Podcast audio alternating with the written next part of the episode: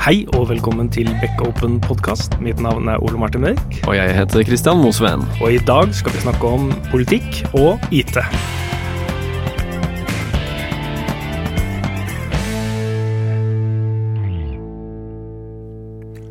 Ja, Kristian. Hvordan går det? Har du hatt en eh, fin sommer? Hatt en uh, helt ålreit sommer. Nei, den har vært fin. Dårlig vær, men sånn, sånn, er det bare. Ja. Så mm. Ja, nei, jeg har også vært, eller, møtt dårlig vær i sommer. Jeg var tilbrakt en uke på fjellet da mm. det var som finest vær i Oslo. Det var særdeles Tolv varmegrader og regn i en uke. Det var ikke så mye å trakte etter. Nei. Men ellers, da? Har du gjort noe gøy sånn eh, på datafronten? Ja, det nærmer seg jo Vi har jo fagdag nå 1.9. Ja, jeg jobber med den om dagen. Jeg skal ha en workshop eh, rundt API AI. Mm. Så det vil flikke på en oppgave som går på at du skal kunne spørre Google Home eller Alexa eller hva du måtte ha, ja. eh, når neste buss går eller neste T-bane og litt sånt. Så det, ja, ja. Jeg skal også ha et innlegg om, om Alexa, faktisk. Ja, så jeg kjøpte en sånn Ekko for til jul, eh, og jeg har ikke, eller nå for første gang så har jeg sjekka ut hvordan man lager ting for den selv, eller sånne skills, som eh, de sier, da. Mm. Så det skal jeg snakke litt om. Du kan liksom lage native uh, Alexa-skills, som er uh, i praksis uh, Amazon Lambda-funksjoner. Men det som kanskje er enklere, er å bare knytte den opp mot if this then that, som vi har ja, nevnt litt sånn tidligere i podkaster. Mm, ja, men det kan du også gjøre på Google Home, som jeg kjøpte i sommer i, ja. i, i New York. Det er sånn war mellom de Ja, det finnes noen morsomme YouTube-videoer der hvor de snakker sammen. Mm.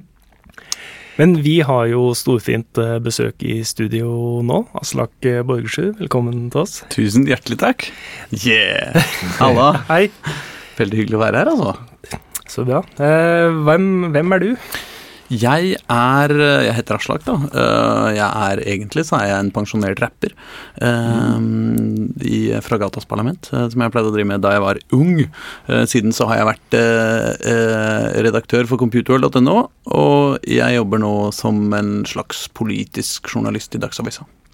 Nettopp. Det var derfor vi tenkte du var en perfekt match. Både litt IT-bakgrunn og litt politiske bakgrunn. Dessuten så har jeg jo en konkurrerende podkast av dere. Mm. Eh, nemlig eh, spill, eh, dataspill- og hiphop-podkasten eh, Spillmatic. Ja. Eh, så store podkastentusiast, da. Mm, det er vel, ettersom jeg har hørt, verdens beste podkast om dataspill og hiphop. Ja, det, det, tror jeg vi kan slå fast. Det går, det går, den hender den er nede på andre- og tredjeplass og sånn. Men stort sett så er den, er den der på, på, som nummer én. Du skal lytte til debatten eh, mellom eh, Robert Steen fra Arbeiderpartiet og mm, Nikolai Astrup fra Høyre, og være med og diskutere eh, debatten etter debatten. Mm. Bare litt, litt, sånn ekstra overdommer, ikke sant? Det er det som er Destillere den og komme med noe Et slags skråblikk, kanskje. Ja. Kan vi ikke kalle det fasit isteden? Fasit er bedre. Ja, fasit er bedre. Ja, veldig bra.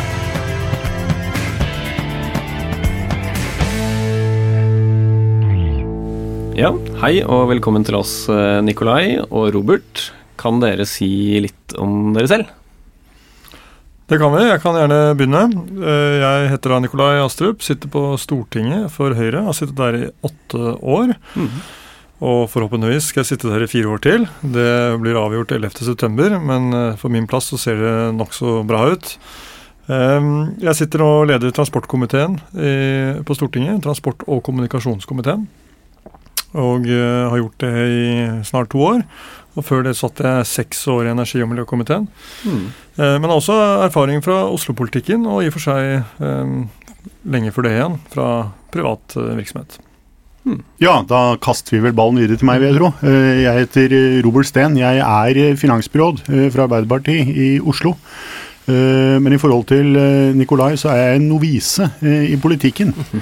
Eh, jeg er kanskje også en av de politikere som vet akkurat når jeg ble politiker. Det var 21.10.2015 klokka ti. Eh, da presenterte Raymond Johansen det nye byrådet i Oslo eh, for allmennheten, og da ble jeg politiker. 15 hmm. år før jeg ble politiker, så jobbet jeg med den digitale transformasjonen i Skipsted, og fikk lov til å være med for 17 år siden da vi starta opp finn.no her i landet.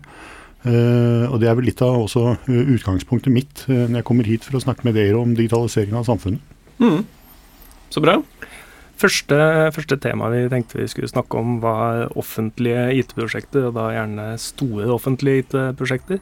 Eh, moderne systemutvikling nå er jo en smidig affære. Man prøver å levere iterativt små deler av gangen og hele tiden forbedre produktet ut til brukerne. Eh, det som er litt vanskelig med det og offentlige prosjekter, er jo at man har disse årlige budsjettene, som, som gjør at uh, mange offentlige etater bruker lang tid på å søke om budsjettmidler, og så planlegge lang fram i tid, eller hele året, da.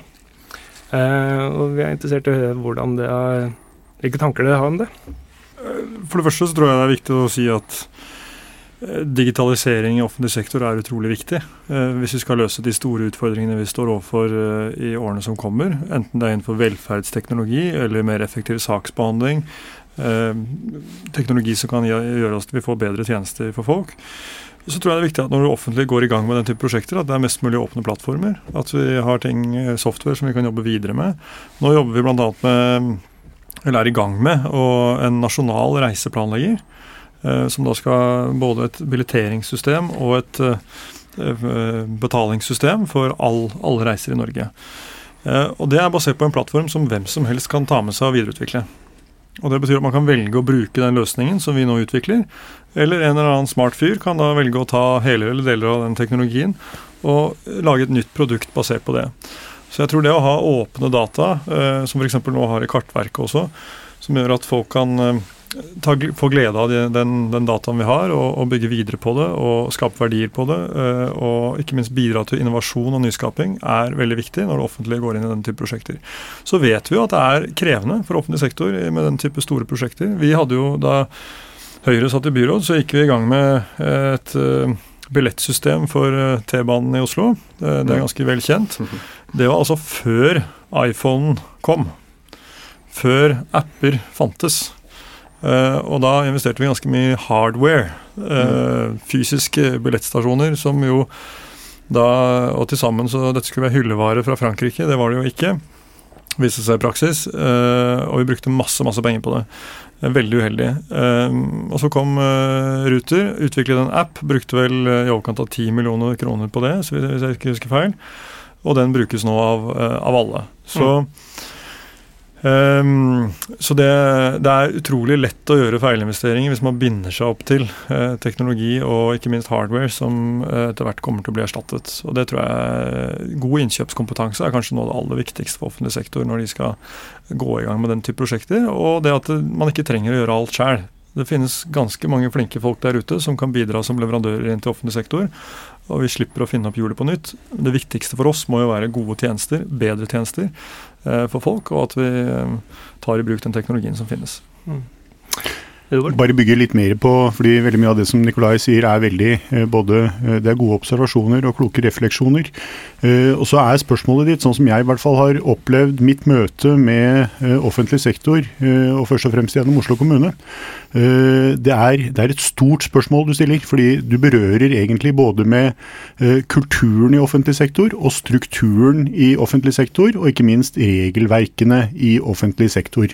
Særlig anbudsregimene, det at offentlig sektor i veldig stor utstrekning har basert seg på at det er en leverandørindustri som i veldig stor utstrekning skal levere eh, våre digitale produkter, har avstedkommet disse store gigantprosjektene, som, og som Nikolai også er inne på, en gang iblant går veldig gærent. Og som definitivt ikke er tilpasset dagens måte å tenke programutvikling på. Og da berører man noen utfordringer. fordi hvordan skal du få flyttet offentlig sektor fra å tenke fossefallsmetodikk, fra å tenke anbudsregimer, fra å tenke leverandørkjeder, porteføljestyring og store IT-prosjekter, til å bli en mer agile eh, utvikler som har en annen type kultur hos seg. Og da er jeg eh, av den oppfatning at vi nok i større utstrekning, og det er også eh, Nikolai Astrup litt inne på, vi er nok nødt til å ta inn over oss at dette med digital teknologi, det kommer til å bli, og er kanskje allerede, en del av kjernevirksomheten i offentlig sektor. Og kjernevirksomheten vår, den må vi ha kompetanse på. Og vi må ha kapasitet til å gjøre en god del mer sjøl enn det som har vært lagt opp til i offentlig sektor til nå. Og så nevner Nikolai kanskje et av uh, de hyggeligste eksemplene fra norsk uh, offentlig sektor, sånn som jeg også har sett det, nemlig Ruter her i Oslo. Uh, de har hentet inn kompetanse og bygget opp en helt annen måte å drive digital utvikling på enn det offentlig sektor generelt, både stat og kommune, holder på med. Og Det er en av de store utfordringene. Den digitale transformasjonen i Norge kommer til å være altomfattende. og Her må vi som politiske ledere i mye større utstrekning tror jeg, aktivt involvere oss sjøl i forhold til å få forandret både måtene vi jobber på og kulturen som vi drives av. Dette er kanskje de mest viktige komponentene. Et litt komplekst svar på et litt enkelt spørsmål, men jeg tror at den sammenhengen den, den ligger der. Mm. Så jeg kan legge til også til det Robert sa, så tenker jeg at eh, ledelse er utrolig viktig på alle nivåer i offentlige virksomheter. En ting er at toppledelsen må ville og ønske digitalisering og, og, sette det på agendaen, men like viktig er det jo at lederne i de enkelte virksomhetene er oppmerksom på dette, og at vi kommer ut av siloen og samarbeider på tvers, og ikke minst med de som jobber med kall det de konkrete problemstillingene i hverdagen. Ta f.eks. velferdsteknologi. Da må vi jo koble teknologene med de som utfører omsorgsoppgaver, for å få et godt resultat. Så det å bli mer dynamiske, komme ut av siloene, jobbe mer på tvers, tror jeg også kommer til å bli avgjørende for å lykkes. Og det ser vi også i private virksomheter, at det er utrolig viktig for å få til et godt resultat. Ehm, den tiden hvor man kunne sitte på toppen og, peke nedover, den er litt forbi. Vi må, vi må jobbe både nedenfra og opp, samtidig som vi har en klar ledelse på hvor vi skal, eh, tenker jeg. Og den, den, involveringen den gjelder vel, som Robert nevnte, at eh, vi har jo ganske mye lovregler som setter begrensninger for hva si f.eks. Nav da, kan gjøre når det gjelder å hente eller starte nye prosjekter. Så um, det må jo være en kobling helt fra sluttbrukerne som uh, skal søke om uh, arbeidsledighetstrygd, og de som, og som endrer lovregler. Vi har, eh, fordi eh, Det er veldig riktig det som Nikolai er inne på. Eh, dette med tverrsektorielt, tverrfaglige team som utvikler bedre løsninger til innbyggernes beste, også i offentlig sektor, ikke bare i privat sektor, må være målsettingen. Jeg tror mye av dette er også tatt inn i digital agenda som regjeringen har utviklet, så mye av tankegodset ligger der. 100-kronerspørsmålet, sånn som jeg opplever det imidlertid, er at vi som toppolitikere har ikke nødvendigvis verken den innsikten eller kompetansen som skal til for å forstå disse tingene. Så selv om vi sier de riktige tingene i meldingene våre, så er det ikke nødvendigvis det vi utfører i vårt daglige virke i offentlig sektor. Så 100-kronerspørsmålet blir jo liksom hvordan går du fra at du etter hvert begynner intellektuelt å forstå at du må ha en endring inn, til faktisk å få det til. Eh, og I den sammenhengen så har vi i Oslo kommune laget en veldig sånn enkel visjon for digitaliseringen av Oslo kommune. Vi har laget en animert film eh, som vi kaller for Historien om Tim, som ligger på YouTube. Og i og med at du fortalte meg at dere har 100 000 lyttere på denne podkasten, så går jeg ut ifra at uh, seertallet på historien om Tim uh, som YouTube-film kommer til å øke dramatisk etter at denne podkasten har gått på lufta. Det vi gjør der, er at vi viser uh, hvordan innbyggerne i Oslo, Tim, skal få sine behov i det fra offentlige individuelt levert på en proaktiv måte. Og de ordene der betyr at vi må flytte oss fra å være et søknadsbasert offentlig vesen som behandler alle likt, til å tilby proaktive tjenester basert på kunnskap om hvor menneskene er i livssyklusen sin, og hva de har behov for. Det gjør digital teknologi det mulig, og det vil forventningene til innbyggerne være. Og så må vi få det til som et leveransesystem. Jeg tenker at det er to jeg er enig i det Robert sier. Eh, og jeg tenker at Det er to, to viktige ting med digitalisering. Det ene er jo effektiviseringen man kan oppnå ved at man automatiserer prosesser som tidligere eh, krevde en masse menneskelige ressurser. Eh, da kan man frigjøre de ressursene til eh, tjenesteproduksjon og til å være eh, ute der folk trenger dem. Eh, det andre er jo tjenesteinnovasjon. Og det er jo vel så viktig at man kan gjøre ting på en bedre måte enn før. Eh, men det jeg tror er viktig, er at, eh, å huske på at det kommer til å være motkrefter. Altså Vi snakker jo i denne type settinger som dette, så kommer Robert og jeg til å snakke veldig mye om digitaliseringens velsignelser og hva, de kjempemulighetene som ligger der, både i offentlig sektor, også i privat sektor. Både for nye jobber, men også for bedre tjenester. Men motkreftene er der. Og vi ser bare på et helt enkelt eksempel som da vi nå bestemte at uh, lønnsslippen til pensjonister skal komme digitalt, uh, med mindre det er endringer i den, og du selv har bedt om å få den i posten, så kommer den digitalt. For det er samme beløpet hver eneste måned. Og det er det har avstedkommet av spørsmål i spørretimen til statsråden i stortingssalen, og uh, masse motstand. og det er klart, Dette er en helt marginal endring som ikke kommer til å berøre pensjonistens liv i det hele tatt. Eh, men det er et eksempel på og det er et banalt eksempel, men det er et eksempel på motkreftene som ligger der. Jeg husker tilbake da vi, hadde, da vi lanserte Post i butikk. Så var det jo ramaskrik for postkontoret skulle legges ned. Men resultatet av Post i butikk var jo at eh, åpningstiden på Posten fulgte jo plutselig dagligvarebutikkens åpningstid. Mm. Så det ble jo mye enklere å gå på Posten enn det var før. Det ble mange flere steder å gå på Posten. Så det å være åpne for det som er nytt, er også viktig. Og det er en politisk oppgave å bidra til å synliggjøre hvilke gevinster som ligger i dette for oss alle. Fordi alle føler på litt utrygghet ved forandring. Eh, og de forandringene vi står overfor nå, kommer til å være enorme. Robert snakket om Ruter. Autonome kjøretøy, det kommer. Nå fremmet regjeringen et lovforslag om autonome kjøretøy før sommeren.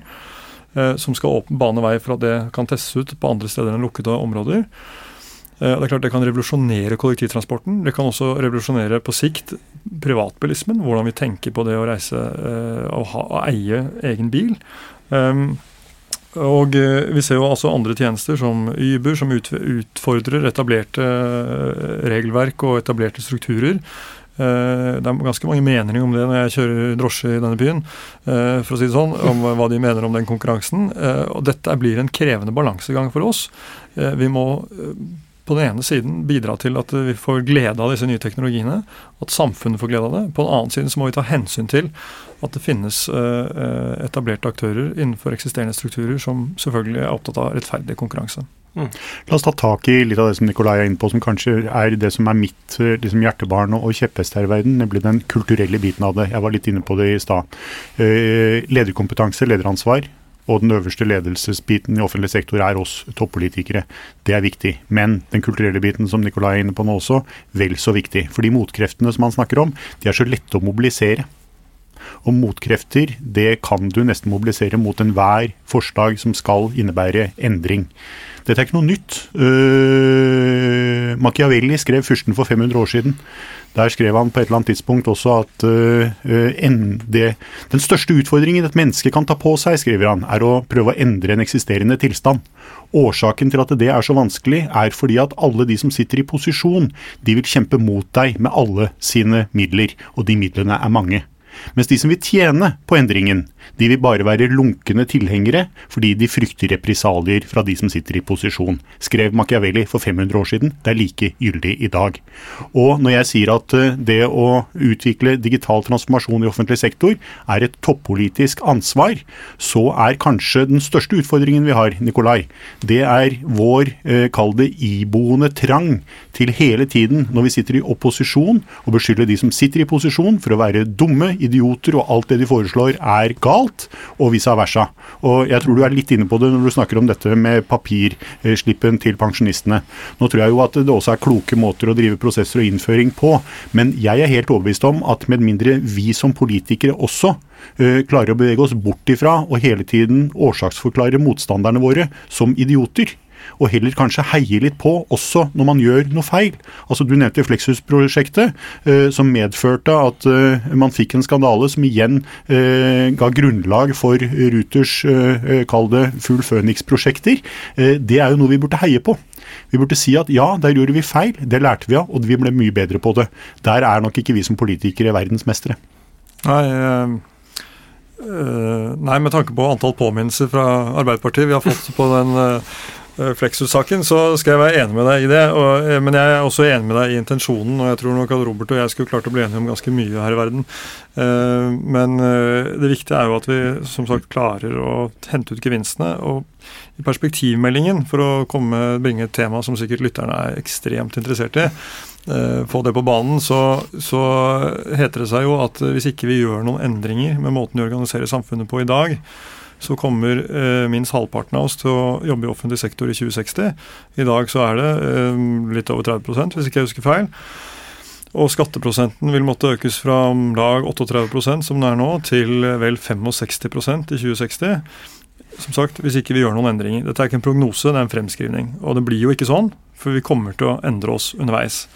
Eh, men vi må endre oss raskere enn det vi kanskje hadde forestilt oss. Og vi må hente ut de gevinstene som er å, å hente ut.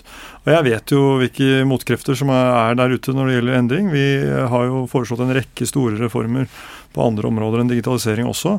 Eh, kommunereform, eh, for å ta et eksempel. Som jo som, som er krevende, fordi at folk vet hva de har, men de vet ikke helt hva de får. Eh, og det å klare å selge inn at det er nødvendig med endring, det er et fellespolitisk prosjekt. Så kan vi være uenige om eh, virkemidlene vi skal ta i bruk, hvordan vi skal endre oss. Men at det er behov for å gjøre noe, at vi ikke kan fortsette som før. Og at hvis vi skal bevare den velferden vi alle er opptatt av å bevare, eh, så er det ikke et alternativ å stå stille. Og jeg syns statsministeren sa det veldig godt da hun sa at alternativet til forandring er faktisk forvitring. Mm. Så kan vi være uenige politisk om hva den forandringen skal bestå i, men forandre oss, det må vi. Mm. Um, dere nevnte jo litt nå uh, Nå har vi snakka mye om digitalisering, og dere nevnte jo litt om uh, på en måte eierskap og lederskap uh, fra toppen, og, den kunnskapen man kanskje må ha for å, for å sette det lederskapet godt. Og um, jeg, jeg, vet ikke liksom hvor, hvor, godt det egentlig har fungert i praksis, men både England og USA har jo liksom nå i fem-seks år hatt liksom CTO-er ansatt, eller i, i, eh, i, regjering og har hatt veldig sånne enkle, definerte liksom guidelines til hvordan offentlig software skal utvikles. At det skal være åpne API-er, at data skal tilgjengeliggjøres osv. Er det noe som har vært eh, diskutert i Norge? Det, altså det som har vært litt av, kall det, eh, tror jeg, det positive eh, i den offentlige politiske debatten rundt eh, teknologi, digital transformasjon, er at den har, i hvert fall sånn som jeg opplever den, den har våknet opp og kommet til live. De siste tolv månedene. Eh, så har politikere begynt å diskutere digitaliseringen. Og så kan vi jo gråte over at man ikke begynte med det for 15 år siden, men, men, nå har det begynt å bevege seg. Og en av de tingene som Jonas Gahr Støre sier, hvis han blir valgt til den neste statsministeren, er at han skal ha tung teknologikompetanse på statsministerens kontor. Og det er jo en måte å i og for seg tenke tilsvarende på i Eh, toppsystemet i Norge, i regjeringen, så må kompetansen innenfor teknologi, digital teknologi, sannsynligvis styrkes vesentlig. Hvis vi skal ha noen illusjon om at vi skal kunne møte utfordringene som både perspektivmeldingen eh, gir oss, men også som vi som samfunn har foran oss. Og vi ønsker jo, vi har alle muligheter. Norge er et av de mest digitalt modne landene i verden. Innbyggerne i Norge er digitalisert, men offentlig sektor henger etter. Og det gapet det er vi nødt til å på en eller annen måte klare å lukke. Ja, Jeg er jo glad for å kunne si at uh, statsministeren har jo allerede nedsatt et digitaliseringsutvalg på statsministerens kontor som har som formål, og det ledes av statsministeren selv, men det har som formål å bidra til å få opp tempoet på digitaliseringen i offentlig sektor. På mange områder så er vi i, gang. Og det er jeg glad for. Eh, departementet til Jan Tore Sanner, og, hvor også Paul Schaffer har en sentral rolle, har pushet eh, store og viktige digitaliseringsprosjekter. Eh, vi har som mål at alt som kan automatiseres, skal automatiseres. Byggesaksbehandling f.eks. Jeg syns det er veldig spennende med dette eksempelet fra Bergen, hvor du har en, eh, en robot som heter Digifrid, som har erstattet tolv saksbehandlere. Saksbehandlere som da kan frigjøres til andre oppgaver som mennesker er bedre egnet til å utføre. Så Sånn tror jeg vi må tenke for å hente ut potensialet. Tempoet må opp. Og øh, vi ser jo f.eks. nå på hvis politireformen skal lykkes, den er jo basert på at vi skal ha færre politifolk på kontor og flere politifolk ute blant folk, ute der ting skjer. Så er vi nødt til å bruke digitale verktøy. og Derfor har jo nå politibilene de, Alle blir utstyrt med digitalt utstyr som de ikke hadde før. Eh, man skulle tro de kunne fått det for lenge siden, men det, sånne ting tar tid. Som iPad, iPhone, den type ting. Hvor de har tilgang til de verktøyene de trenger på veien, så de slipper å sitte på kontor og behandle eh, saker, eh, saker, der. Så dette, dette, er i prosess, eh, og uansett hvem som skulle vinne valget til høsten, så er det helt avgjørende at eh, det trøkket fortsetter, og at vi får opp tempoet. Men, men, samtidig så er jeg, jeg er litt redd, med all respekt å melde, Nikolai, at uh, det du sier nå er egentlig en liten indikasjon på at uh, vi trenger å komme oss lengre mentalt. Uh, jeg er vel en av de som har vært ute og sagt at jeg syns at det finnes veldig få overordnede strategier for hvordan vi skal digitalisere offentlig sektor. Jeg har brukt uttrykket at det nærmeste jeg har kommet, er akkurat det du sier, nemlig at alt som Eh, kan digitaliseres, skal digitaliseres. Og det er egentlig bare en bekreftelse på at vi tenker tradisjonelt. Vi tenker hvordan kan dagens produksjonssystem bruke digital teknologi til å bli marginalt bedre. Mens det som digital eh, teknologi eh, gir oss som mulighet, er at vi radikalt kan endre måtene vi jobber på. I Oslo eh, så har vi nå eh, laget oss en liten våt drøm om å lage en digital offentlig tjenesteplattform som følger deg fra fødsel til død. Ved at man lager en plattform og ikke en pipe eller en produksjonslinje på eksisterende tjenester, så har man en mulighet til veldig fort å kunne transformere konsumentene til produsenter.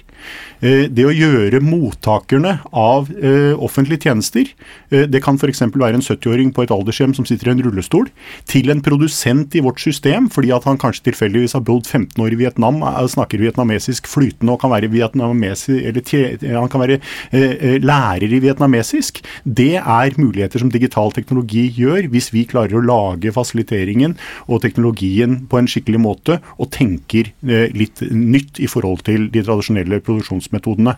Så det er det vi må bort ifra. Eh, og det er der hvor jeg tror at vi har kommet altfor, altfor kort. Og det er dette vi må bryte opp i. Sånn at eh, det er noen utfordringer som går utover bare det å få opprettet et digitalt råd på statsministerens kontor. Vi er nødt til å komme lengre enn det, altså. Ja, det, og det er jeg helt enig i, men uh, det var en referanse til at uh, hvis Jonas vant valget, så skulle det bli digitaliseringskompetanse på SMK. Det er toget altså si, sånn sett godt. Uh, den, den, kompetansen har vi allerede opprettet, så det er bra. Og Der er vi enige. Og som jeg også sa i sted, så er det altså to hensikter. minst to hensikter med digitalisering. Det ene er å effektivisere de prosessene vi allerede har. Det andre er jo, som jeg sa, tjenesteinnovasjon at vi gjør ting på helt nye måter fordi vi har digitale verktøy som vi ikke hadde før. Eh, så vi må klare å ha to tanker i hodet samtidig. Jeg tror egentlig ikke vi er uenige om det. Eh, så gjelder det å levere på det. Eh, og der opplever jeg at vi er godt i gang. Men det er klart at det er også viktig at vi vinner valget, slik at vi sørger for at vi fortsatt har trøkk på dette fremover. Mm. Baksiden av medaljen når det gjelder digitalisering, er jo at det blir færre jobber sannsynligvis. Kanskje. Eh, eller kanskje ikke. Hva, hva, tenker du om eh, borgerlønn som en løsning på de utfordringene, eller hvilke andre løsninger har det på ja, den, Det kalles jo den fjerde Hvis, hvis uh, 50% av saksbehandlerne til Nav plutselig i morgen ikke har noen saker å behandle fordi ja. de automatiseres, hva, hva gjør de da? Altså jeg, jeg, er ikke enig i premisset. Og grunnen til det er, hvis man ser tilbake, så er det en ganske lang liste over jobber som før fantes, som har forsvunnet. Går du langt nok tilbake, så hadde du issagere, f.eks. Eh, for å ta et eh, helt perifert eksempel.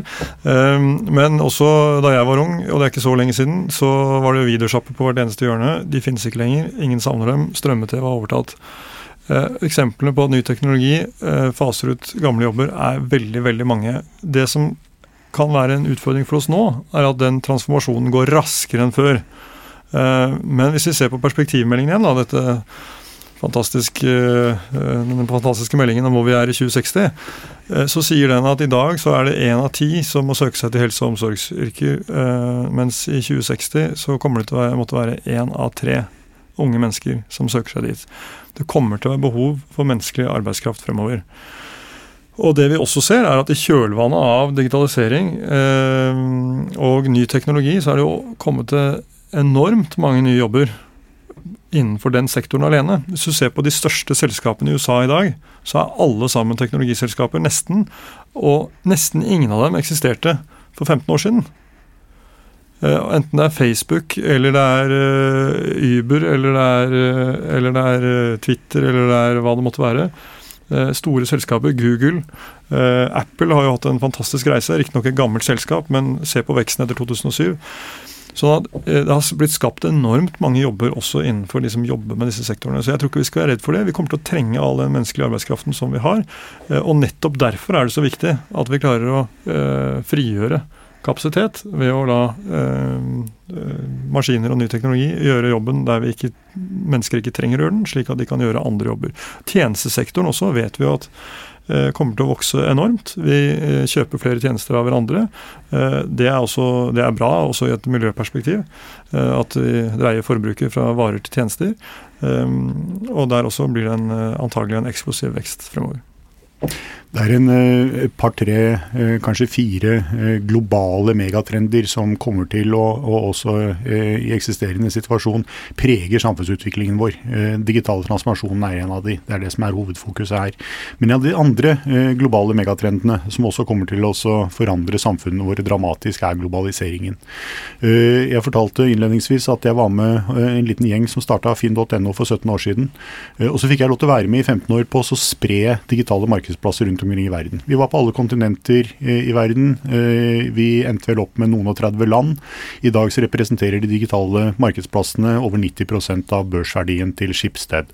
Når jeg startet der, så var det Aftenposten, VG og trykkeriet Nydalen som var det viktige.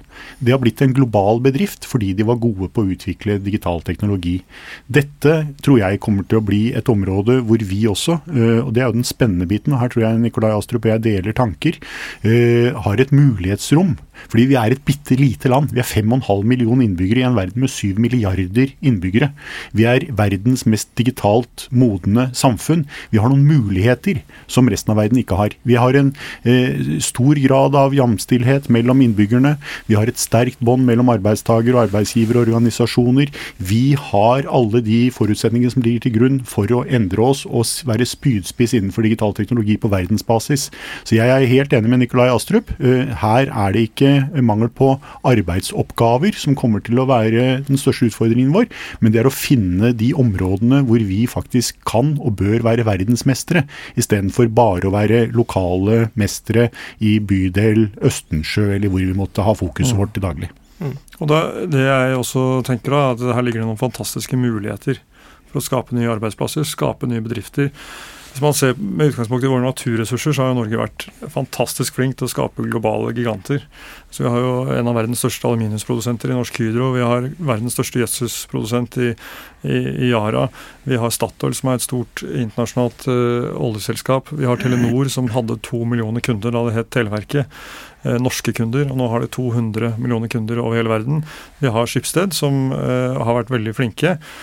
Eh, gjennom mange år til å digitalisere seg. Så, men det vi mangler, er jo de digitale enhjørningene som bl.a. Sverige har fått til. Eh, en enhjørning er jo et selskap med over en milliard dollar i omsetning. Eh, Sverige har åtte, Norge har null. Og vi trenger også å legge til rette for at flere av de, den type arbeidsplasser skapes i Norge. Og noen av de grepene som jeg tenker er viktige da, det er å gjøre det mer attraktivt å Uh, altså først, Forskning og utvikling er jo uh, utrolig viktig, men for at gründere skal satse i Norge, så det, må det være attraktivt at noen satser på gründerne. Så nå har vi jo foreslått at det skal være skattefradrag for um, investeringer i oppstartsselskaper. Det tror jeg er viktig også for å kunne få frem den type selskaper. Så har vi forbedret opsjonsbeskatninger for å gjøre det enklere for gründere. Uh, det tror jeg også er viktig, for i en fase av bedriftens liv så kan det være hvor du kanskje ikke har noen penger så kan det, være, det å tilby medeierskap gjennom opsjoner være en utrolig viktig måte å stimulere det eierskapet på.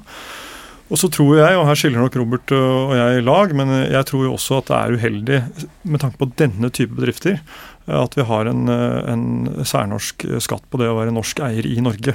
Eh, vi så da under dotcom-tiden at det var ganske mange som eh, flyttet ut av landet i frykt for å lykkes med selskapet sitt. Eh, og når vi gjerne skulle beholdt dem, og at de skulle realisert sine ideer her. Så dro de til USA eller til Sverige eller hvor det måtte være, og kanskje endte opp med å bli, realisere bedriften der, eller bli kjøpt opp av et stort amerikansk selskap.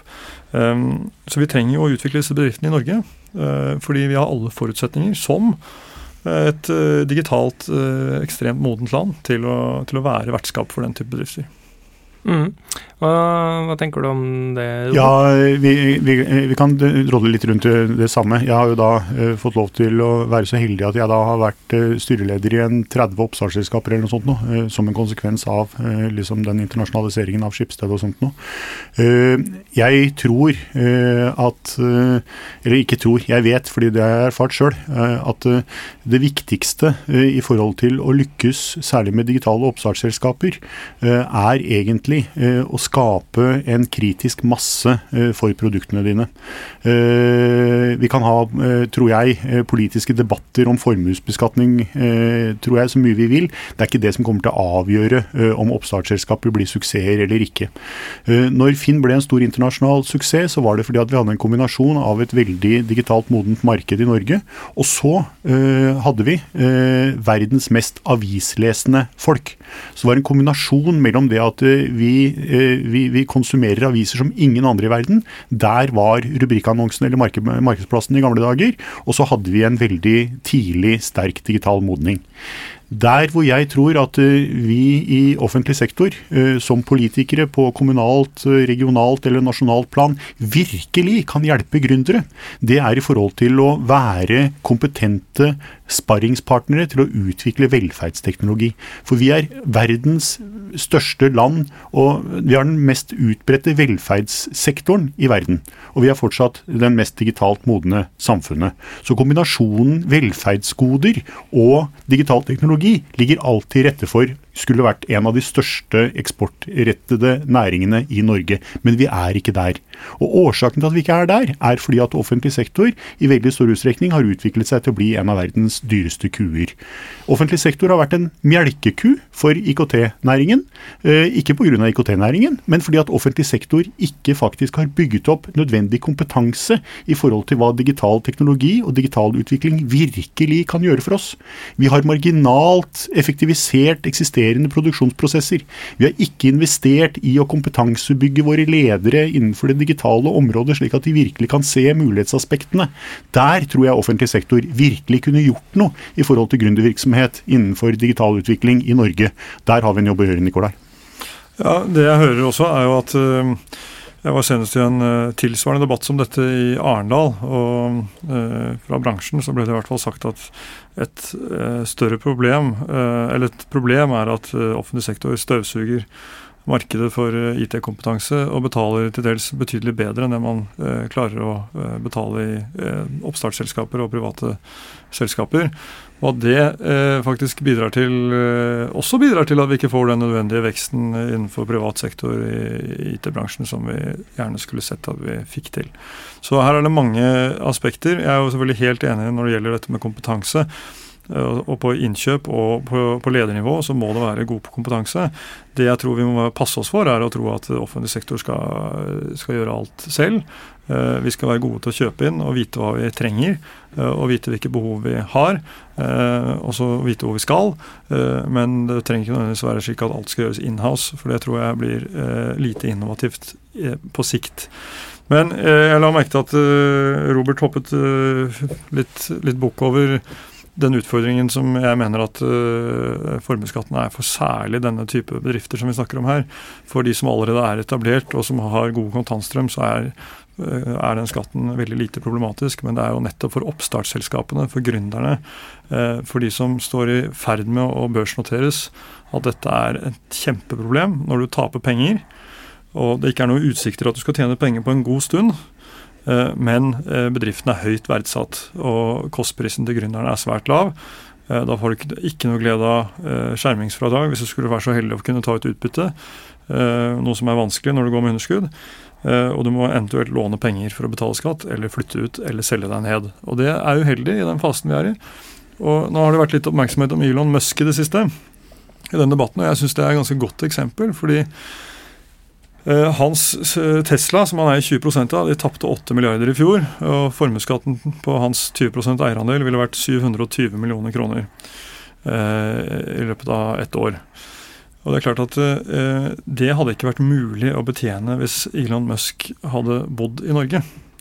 og Det bør jo være et tankekors for, for flere enn en meg at vi har et skattesystem som så til de grader insentiverer folk som er i ferd med å lykkes, til å flytte til eh, utlandet, enten det er Sverige eller Nederland eller USA eller hvor det måtte være. Når jeg sier at eh, jeg tror ikke det er der hvor skoen klemmer mest, så er det jo uh, i erkjennelsen at vi har jo ikke så mange Elon Musk verken i Norge eller i verden. Uh, og når jeg sier at det er ikke der hvor jeg tror den store forskjellen mellom det å kunne skape gründervirksomhet i Norge ligger eller ikke ligger, så er det jo også fordi at vi godt veit at særlig verdsettelsen av aksjer i unoterte selskaper er en veldig gunstig verdsettelse, slik at det er jo ikke en reell verdsettelse av de verdiene som ligger der. Og hvis gründerne går i sine egne selskaper og ser er det formuesskatten eller er det tilgang til kritisk masse som kan bruke produktene mine, eh, så tror jeg at de sjøl finner hvor egentlig eh, skoen trykker sterkest. Sånn at eh, vi kan, vi kan trekke fram Elon Musk som eksempel, men jeg syns jo ikke at det er en reelt godt eksempel for situasjonen i Norge i 2017. Så det var mer det som var poenget mitt. Og så er situasjonen en annen når man går fra å være et unotert selskap til at man noterer selskapet på børsen, men da kommer det jo også ofte en veldig hyggelig kontantstrøm sammen med noteringen. Så disse tingene har jo blitt bygget opp på et eh, ikke helt høl i huet-vis. Og det er litt av basisen for at jeg også mener at det er ikke formuesbeskatningen som gjør at gründervirksomhet i Norge ikke har eh, grunnlag for å kunne lykkes verken nasjonalt eller internasjonalt. Så var det som var min refleksjon. Men jeg tror det også eh, kunne være en, en god eh, sparringspartner, og det å gi eh, en kritisk masse for bruk av produkter, det å kunne åpne opp for en kultur hvor man i større utstrekning åpner for eksperimentering og utvikling både på det legale siden, men også i forhold til teknologi, det er nok et område hvor vi kan gi, gi og gjøre mye mer fra det offentlige enn det vi gjør i dag. Og Der er vi inne på den kulturelle biten som vi var litt inne på innledningsvis også. Så Det er disse tingene som var mitt poeng. Nikolai, ikke Ja, det, det, skjønner jeg, og jeg er i og for seg enig i alt det du sier, bortsett fra det du sier om skatten. sånn at eh, Det er et godt utgangspunkt, for, eh, for, og vi er enige om at mye ligger til rette for å lykkes i Norge. Og jeg er også enig i at det er helt utenkelig at vi får et eksempel som Musk i Norge, rett og slett fordi at vi har denne skatten. Eh, så hvis du havner, Det er ingen som setter seg frivillig i den situasjonen som han ville vært i hvis han bodde her. Uh, og det er jo ikke sånn at du får en kontantstrøm bare fordi du går på børs. Uh, Tesla har ikke betalt ut utbytte noen gang, og det ser ut som det kan bli ganske lenge til de gjør det. Og Tesla er et ekstremt eksempel, men dette, du kan jo gjerne skalere det ned. Problemet er uansett det samme. Eh, og Under dotcom-tiden så mistet vi ganske mange kloke hoder og spennende konsepter ut av landet. Eh, jeg håper ikke at vi kommer til å gjøre det i fortsettelsen. Og jeg tror i hvert fall at for denne gruppen så er det feil svar med økt skatt. Og så tror jeg at det er viktig at vi har eh, privat risikokapital i Norge. Fordi Man kan gjerne si at kapitalmarkedet er perfekt. Det er jo noen som prøver seg på det. Eh, teoretikere fra Handelshøyskolen i Bergen og i Scheel-utvalget og andre som mener at det spiller ingen rolle om det er lokal eller internasjonal kapital. fordi er det et godt prosjekt, så flyter kapitalen inn, og det mangler ikke på kapital i verden. Og I det store bildet så er det helt riktig. Det mangler ikke på kapital. Men vi vet jo at lokal kapital er utrolig viktig eh, for lokale entreprenører de som sitter rundt i det ganske land, enten det er da, la oss ta et uh, banalt eksempel, men altså i, langs kysten hvor du har masse norske verft, sterk maritim klynge. Hvis det da sitter en lokal norsk eier og du kommer med en prototyp på en ny propell, så er sjansen ganske mye større for at du får en investor enn hvis du skal til London og reise penger i et internasjonalt kapitalmarkedet. Sånn er verden. Uh, lokal kapital betyr noe. Vi trenger mer privat risikokapital. Og det er en av grunnene til at vi også stimulerer med skattefradrag for investeringer i oppstartsbedrifter. fordi dette er jo det nye næringslivet. Dette er det vi skal leve av i fremtiden. Dette er det som skal sikre omstillingsevnen vår, de, eh, og da må vi legge til rette for det. Så skal ikke vi gjøre dette til en altfor skatteteknisk debatt. Jeg er ikke sikker på at lytterne er eh, så interessert i den biten. Når jeg sa kapitalstrøm, så handlet det jo først og fremst for gründerne som da eh, eh kapitaliserer noe på eh, Ikke seg ut. Eh, det man ofte gjør, er jo at man gir bort noen aksjer, noen prosent av selskapet, og så får man en kapitalstrøm på det. Og da er man i situasjonen, så var det som var poenget. Eh, når det gjelder dette med kreativitet, kultur og måten vi jobber på, og nå har vi snakket litt om Tesla, vi har snakket om Elon Musk. Norge er jo det nest mest Tesla-penetrerte landet i verden. Og, og du og jeg har jo bidratt til det. Vi har bidratt til det, det er helt riktig. Og Elon Musk kommer hit tre-fire ganger i året eller noe sånt nå. Det er jo en, en, fantastisk historie. Og Her mener jeg at norske politikere har gjort mye klokt, særlig i forhold til de fordelene som man har gitt på elbilen. Men man glemmer helhetstenkningen. fordi jeg kunne jo, jeg kunne jo ha tenkt meg at når Stortinget vedtok alle fordelene for elbiler, som vi gjorde i sin tid, så burde man hatt en diskusjon med Elon Musk i forkant. Og så kunne man sagt til Elon Musk at hvis vi gjør dette, og dette blir et spennende marked som gjør at du får mange brukere på den nye elektriske bilen som du lager, så ønsker vi at du som en motytelse bygger batterifabrikken din på Rygge, hvor vi har en flyplass vi ikke skal bruke lenger. Og han hadde sannsynligvis sagt ja til det på det tidspunktet. Det er den helhetstenkningen som jeg også ønsker at vi som politikere i mye større utstrekning skal ta inn over oss, istedenfor å se på disse sektorvise områdene som vi har ansvaret for, og marginalt bedre produksjonslinja der hvor vi er. Og eh, elbilen var et miljøfremspill eh, som har utviklet seg til å bli veldig positivt, men det er fortsatt veldig sånn sektororientert, det er siloorientert tenkning. Det er de siloene vi må prøve å bryte ut. vi må prøve å være enda bredere. Og som Nikolai Asprup var inne på tidligere, det er helt riktig. Utviklingen går fortere og fortere, og vår evne til å se helhet kommer til å bli utfordret mer og mer, også i forhold til å lage mulighetsrommene både for norsk industri og for norske arbeidsplasser i årene som kommer. Så Det er jo noen av disse områdene som er de spennende områdene å diskutere. Eh, og så kan jeg godt ta skattedebatten eh, i andre foraer, eh, Nikolai. Det er ikke sikkert at det er disse tilhørende som ønsker mest av det. Nei, eh, det, vi kan gjerne droppe det temaet. Eh, men jeg tror nok ganske mange i denne bransjen er opptatt av eh, også skatt. Men når det gjelder dette med elbil og helhetstenkning, så er jeg i og for seg enig med deg i en god del av det du sier. Men eh, nå kommer jo disse fordelene for elbiler ble jo innført av Toril Skogsholm på 90-tallet. Slik at, eh, og, og, Tesla startet vel opp i 2007, hvis ikke jeg husker feil. Eh, og deres sedan som vi kjører, den kom i 2013 til Norge i hvert fall. Eh, så det har jo rant mye vann under der. Men det som vi har sett fra elektrifiseringen av bilparken, er jo at det har gitt en kjempe spillover til maritim sektor. Der er Norge nå det, kanskje det fremste landet i verden Eh, på nullutslippsteknologi. Vi, vi, kommer til å ha antagelig ha 50 nullutslippsbilferger i Norge innen 2020. Um, ehm, og uh, det skjer mye annet spennende i den sektoren. Det bygges nå batterifabrikk for transportformål i Trondheim. Uh, som er ment for uh, maritim sektor. Og alt ligger jo til rette for den type kraftkrevende eh, industriproduksjon i Norge, som det batterier f.eks. er. Datasentre er jo en annen stor teknologi, som, eller en stor, stor, eh, stor sektor, som, eh, hvor også mye ligger til rette for at vi kan, bør kunne klare å tiltrekke oss eh, flere av dem, eh, og dermed bidra til å skape verdier og arbeidsplasser i Norge. Mm.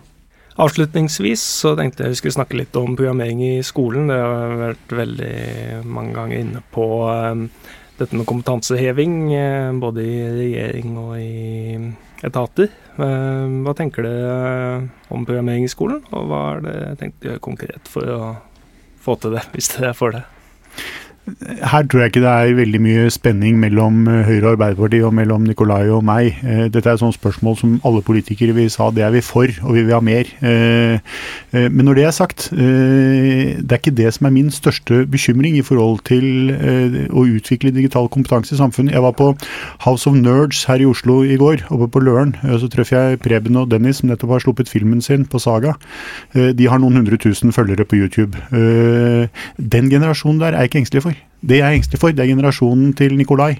Og så er det generasjonen min. Det er vi som er født i 1950, 1960, 1970 og 1980, og som i dag sitter i ledende posisjoner i samfunnet. Vi har et ekstremt behov for både, kall det programmering i skolen, eh, lær kidsa koding, eh, digital kompetanse, eller hva det er vi måtte eh, ha behov for. Fordi vi kommer til å sitte i posisjon i lang, lang tid framover. Ungene kommer vi til å løse, med mindre nå Nikolai Astrup forteller meg at Høyre er imot.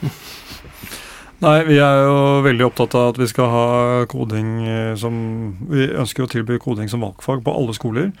Eh, og, det, og hvorfor ikke da som fag for alle elever? Vel, jeg tror det er viktig at vi tar i bruk digitale læremidler. At alle får et nært og tett forhold som går i skolen til det å ta, bruke digitale læremidler, bruke den type eh, teknologi.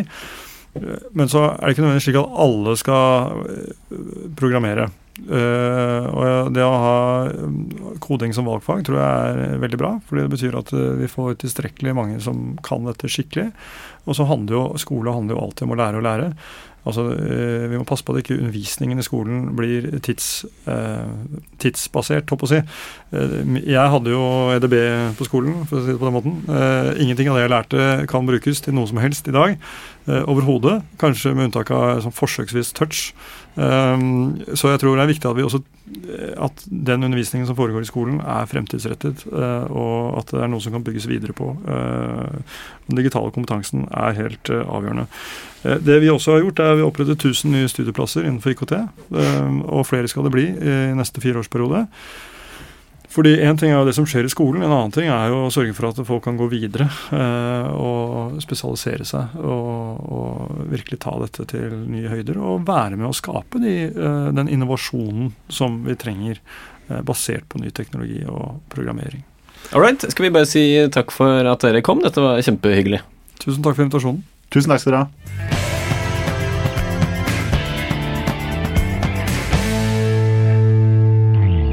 Da har vi kasta ut eh, politikerne og fått inn eh, journalisten Aslak eh, Hva syns du om debatten? Nei, altså det er jo et mareritt å høre på politikere snakke om digitalisering og, og IT som, som sådan, sånn egentlig. Mm. Fordi at de er jo Det er jo som å høre dem snakke om, hvilk, altså sånn, om ytringsfrihet eller menneskerettigheter. Altså dette er vi for.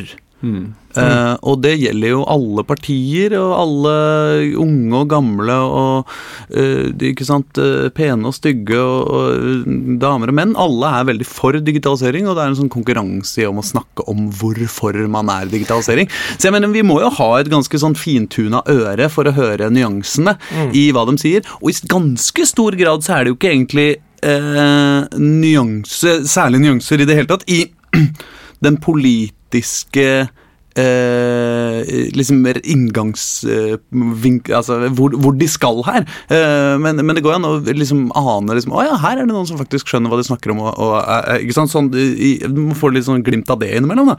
Og det kan vi jo selvfølgelig ta med oss hvis vi, hvis vi vil det. Men, men jeg syns jo at det de diskuterte eh, som jeg syns var eh, mest interessant, var vel Jeg syns at det var interessant at Robert Steen eh, snakka eh, så eh, om, om IT som kjernevirksomhet. Mm. Fordi som alle veit, er jo kjernevirksomhet et kodeord for å ansette folk sjøl. Mm. Ikke sant? Jeg, altså, statskonsult. Vi, skal vi tilbake til statskonsult? ikke sant? Skal vi ansette en masse? Eh, fylle Oslo kommunes lokaler med, med programmerere for å lage tjenestene sjæl istedenfor å sette dem ut? Det er jo ganske interessant.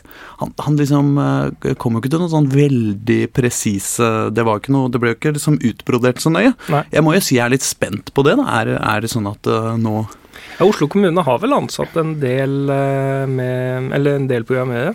Eh, så vidt ja, jeg vet. Og jeg, fått kritikk fra Høyre og IKT Norge på det. Mm. Ja, jeg, jeg, kjenner bare liksom Nav der, for jeg sitter jo der på prosjekt selv, og de ansetter jo flinke utviklere. De, ikke så veldig mange mm. enda, men de ansetter flinke utviklere. Men er det sant, som Nikolai Astrup antyda, at, at, Oslo kommune driver og utkonkurrerer det private næringslivet på pris for programmerere? Det, det låter jo helt uh, absurd, gjør det ikke det? Ja, i hvert fall at de støvsuger markedet, som, eh, som ble nevnt. Men det er klart, i konkurranse med gründere altså det er jo den store Ok, kjepphest coming up.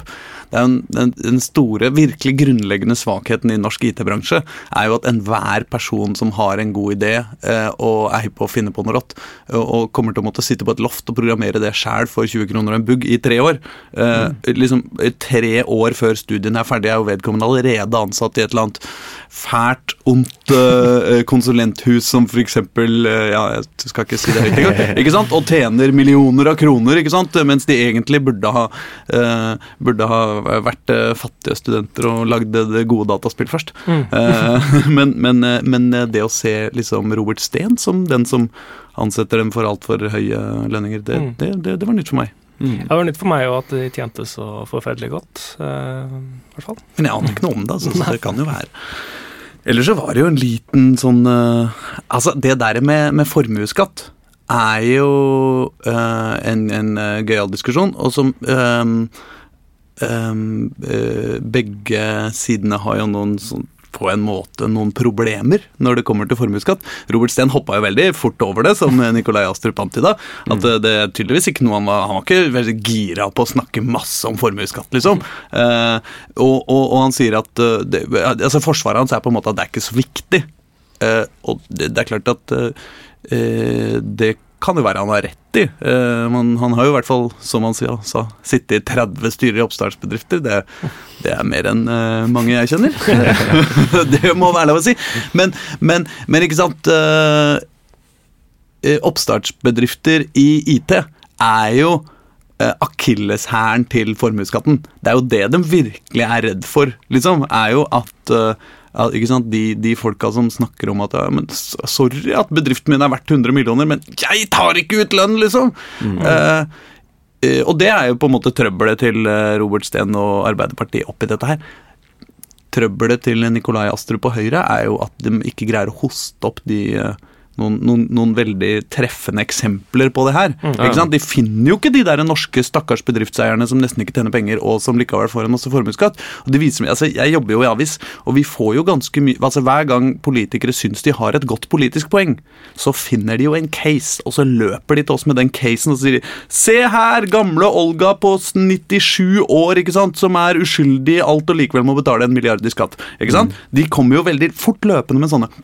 Men jeg har fortsatt ikke sett noen sånne tåredryppende eksempler på formuesskatten. Og det da Nikolai Astrup og Høyre kommer trekkende med, er jo Elon Musk. Ja. Uh, og, og sier hvor mye han måtte ha betalt i formuesskatt hvis han hadde vært i Norge. Hvilket jeg syns er et helt ekstremt dårlig eksempel. For det første fordi Elon Musk er styrtende rik, liksom, og kan gjøre alt han vil i hele verden, og har sikkert milliarder på bok etter å ha uh, solgt betalingsløsninger til det spruta dollar ut av kroppsåpningene hans. ikke sant? Og det er jo veldig så, så, En annen ting er jo at det i det siste par åra har blitt ekstremt tydelig dokumentert at, at Norge er et ganske greit land å bli rik i. liksom. Det er ikke, så, det er ikke sånn at vi liksom, Hvis Høyre mener at man ikke kunne ha uh, uh, starta, uh, nei, starta Tesla i Norge, så så, så, er det jo Høyre som, som sitter ved makta. Og det, som alle vet, formuesskatten er på 0,7 og med en masse fradrag og en masse unntak. Så liksom, eh, ja, da, da ja, nei, jeg, jeg, det, Begge sliter med det spørsmålet, spør meg, da. Ja. Uh, men, uh, men uh, det, er, det, er, vanskelig å bygge liksom, veldig mye sympati rundt det spørsmålet der også, når det er liksom Stein Erik Hagen og sånn som går rundt og klager på det i media. Er det, altså. Også, Kjempevanskelig. Og liksom Elon Musk også, for, altså ja, nei, det er, det er, veldig vanskelig å se for meg at vi skal synes så synd på han, liksom, selv om liksom alle syns mm. han er rå. liksom. Mm. Men, men, er det virkelig sånn at om han må betale 200 millioner i skatt Altså, han eier liksom et selskap som bare vokser inn i himmelen, og han tjener så mye Altså, det er så mye penger i det businessen der. Jeg tror han skulle finne en måte altså, greie å, å, greie å hente ut uh, Greie å finne de 200 millionene på mm. uh, i et uh, Han kan sikkert sannsynligvis bare åpne nattbordskuffen sin, så er det Det løser seg for hele hånd. Ja, det, det, det, det, tror jeg det gjør, altså. Mm. Um, hva skal jeg si? Ellers så, så er det jo Så syns jeg at de hadde Altså de snakker begge om motkrefter mot uh, automatisering eller digitalisering og, og sånn. Uh, og uh, det syns jeg var litt, litt, interessant også, fordi at det, da, da, trekker de fram pensjonister som protesterer på å få Nav, nei, på å få trygda i posten. ikke mm. sant? Nei, og ikke lenger få, få ja. trygdeslippen sin i posten, ikke sant? men å få den på mail eller, eller et eller annet. Um, og det Altså, for det første så er det jo sånn at det Det er jo ikke egentlig en motkraft. Altså, uh, pensjonister som sender noen sinte brev og får en representant eller to på Stortinget til å stille et spørsmål i spørretimen. Altså, Det er jo ikke noen motkraft, egentlig. Altså, Det er jo ikke noe tvil om hvem som har makta her, og det er ikke de pensjonistene som syns det var litt kjipt å ikke få den lappen i posten, for det har de fått i 30 år. Uh, men uh, så var de også inne på postkontorene og Post i butikk da, da det forsvant. Og da syns jeg det er liksom litt mer interessant, fordi det var jo også veldig mye motkrefter. Jeg, jeg var mot det da det skjedde. Og det, det, dette har jeg tenkt på etterpå at ja, det, det, hadde noen sider. Det, det var kanskje, kanskje, kanskje jeg tok feil i det spørsmålet, jeg veit ikke. Men øh, den virkelige mot, det virkelige motargumentet her er jo helt konkret at de driver og sier opp en masse postansatte. Mm. Ikke sant? Det er jo ikke motstand mot Og, og dette syns jeg at uh, i og for seg uh, veldig ofte sånne veldig ivrige digitaliseringsforkjempere da, i politikken bruker liksom det derre Ja, men folk er bare sure for endring ikke sant? Som et argument for hvorfor man bare skal kjøre på med alt mulig. da. Men jeg mener de der eh, tusenvis av postfunksjonærene rundt om i landet som, som oppdaga at jobbene dem skulle privatiseres, liksom. Det, det, er jo ikke først og fremst en protest mot, å, og, mot at liksom Nei, vi er mot internett. Fortida var bedre enn framtida. Det er jo først og fremst et, et, en protest på Jeg mister jobben min. Ja. Og det eh, Eh, liksom Ekkoet av det kommer jo når de da trekker inn kommunereformen. Ikke sant? Som folk protesterer mot kommunereformen, og så blir det presentert som en sånn, som en sånn uh, framtidsprotesterende uh, uh, altså, ikke sant? Nei, vi er mot utvikling, vi er mot internett, på en måte. Det er som ikke sant? Internett er en flopp, nei til kommunereform. Og det er altså det er, det er It's a stretch, altså. Det er ikke, det er ikke parallelle eh, poenger, liksom. Og jeg syns jo at eh, de, de, kanskje skylder eh, sine motstandere å ta dem mer alvorlig enn å bare si liksom eh, dere, dere, har skylda. Men hvem er jeg til å være overdommer? Jeg, altså, jeg, jeg skal ikke si noe, jeg. jeg måte. Nei, og de, de, de, var heller ikke De ville heller ikke snakke noe særlig om eh, at folk mister jobben som følge av digitalisering. Det ville alltid være nok jobber, mente mm. de. Og, ja. Eh, og det er jo uh, er liksom uh, Det er jo selvfølgelig noe sant i det, og, og jeg, jeg, jeg, tror at det sånn deler det, det hovedsynet om at, uh, vi, om at, liksom når vi, sant, vi, trenger ikke heistrykkere, eller liksom heis, heis, heisarbeidere. Problemet med det er jo at vi er i ferd med å lage en nasjon av hvor, hvor, alle jobbene vi trenger, er høyt utdanna. Mm. Og det er jo en grunnleggende endring, og som ikke passer i hop med de tidligere industrielle revolusjonene vi har hatt. Ikke sant? Det, det ble jo flere, eller i hvert fall like mange uh, uutdanna altså jobber som ikke krever utdanning, med den industrielle revolusjonen og med, eh, og med liksom jordbruks med, Da jordbruket kom og, og sånn, ikke sant. Eh, så, så, er vi nå plutselig i en situasjon hvor, hvor vi nesten ikke lenger har Eh, jobber til folk som ikke har høyere utdannelse. Mm. Og det er jo et grunnleggende mye vanskeligere problem å løse, egentlig. da. Så selv om jeg tror at det er riktig sånn, som, som liksom prinsipp, og at, at når, når, verden går videre, så vil det oppstå flere jobber, og det er jo tross alt liksom øh, vekst denne kapitalismen vår driver og er, er liksom basert på her i verden.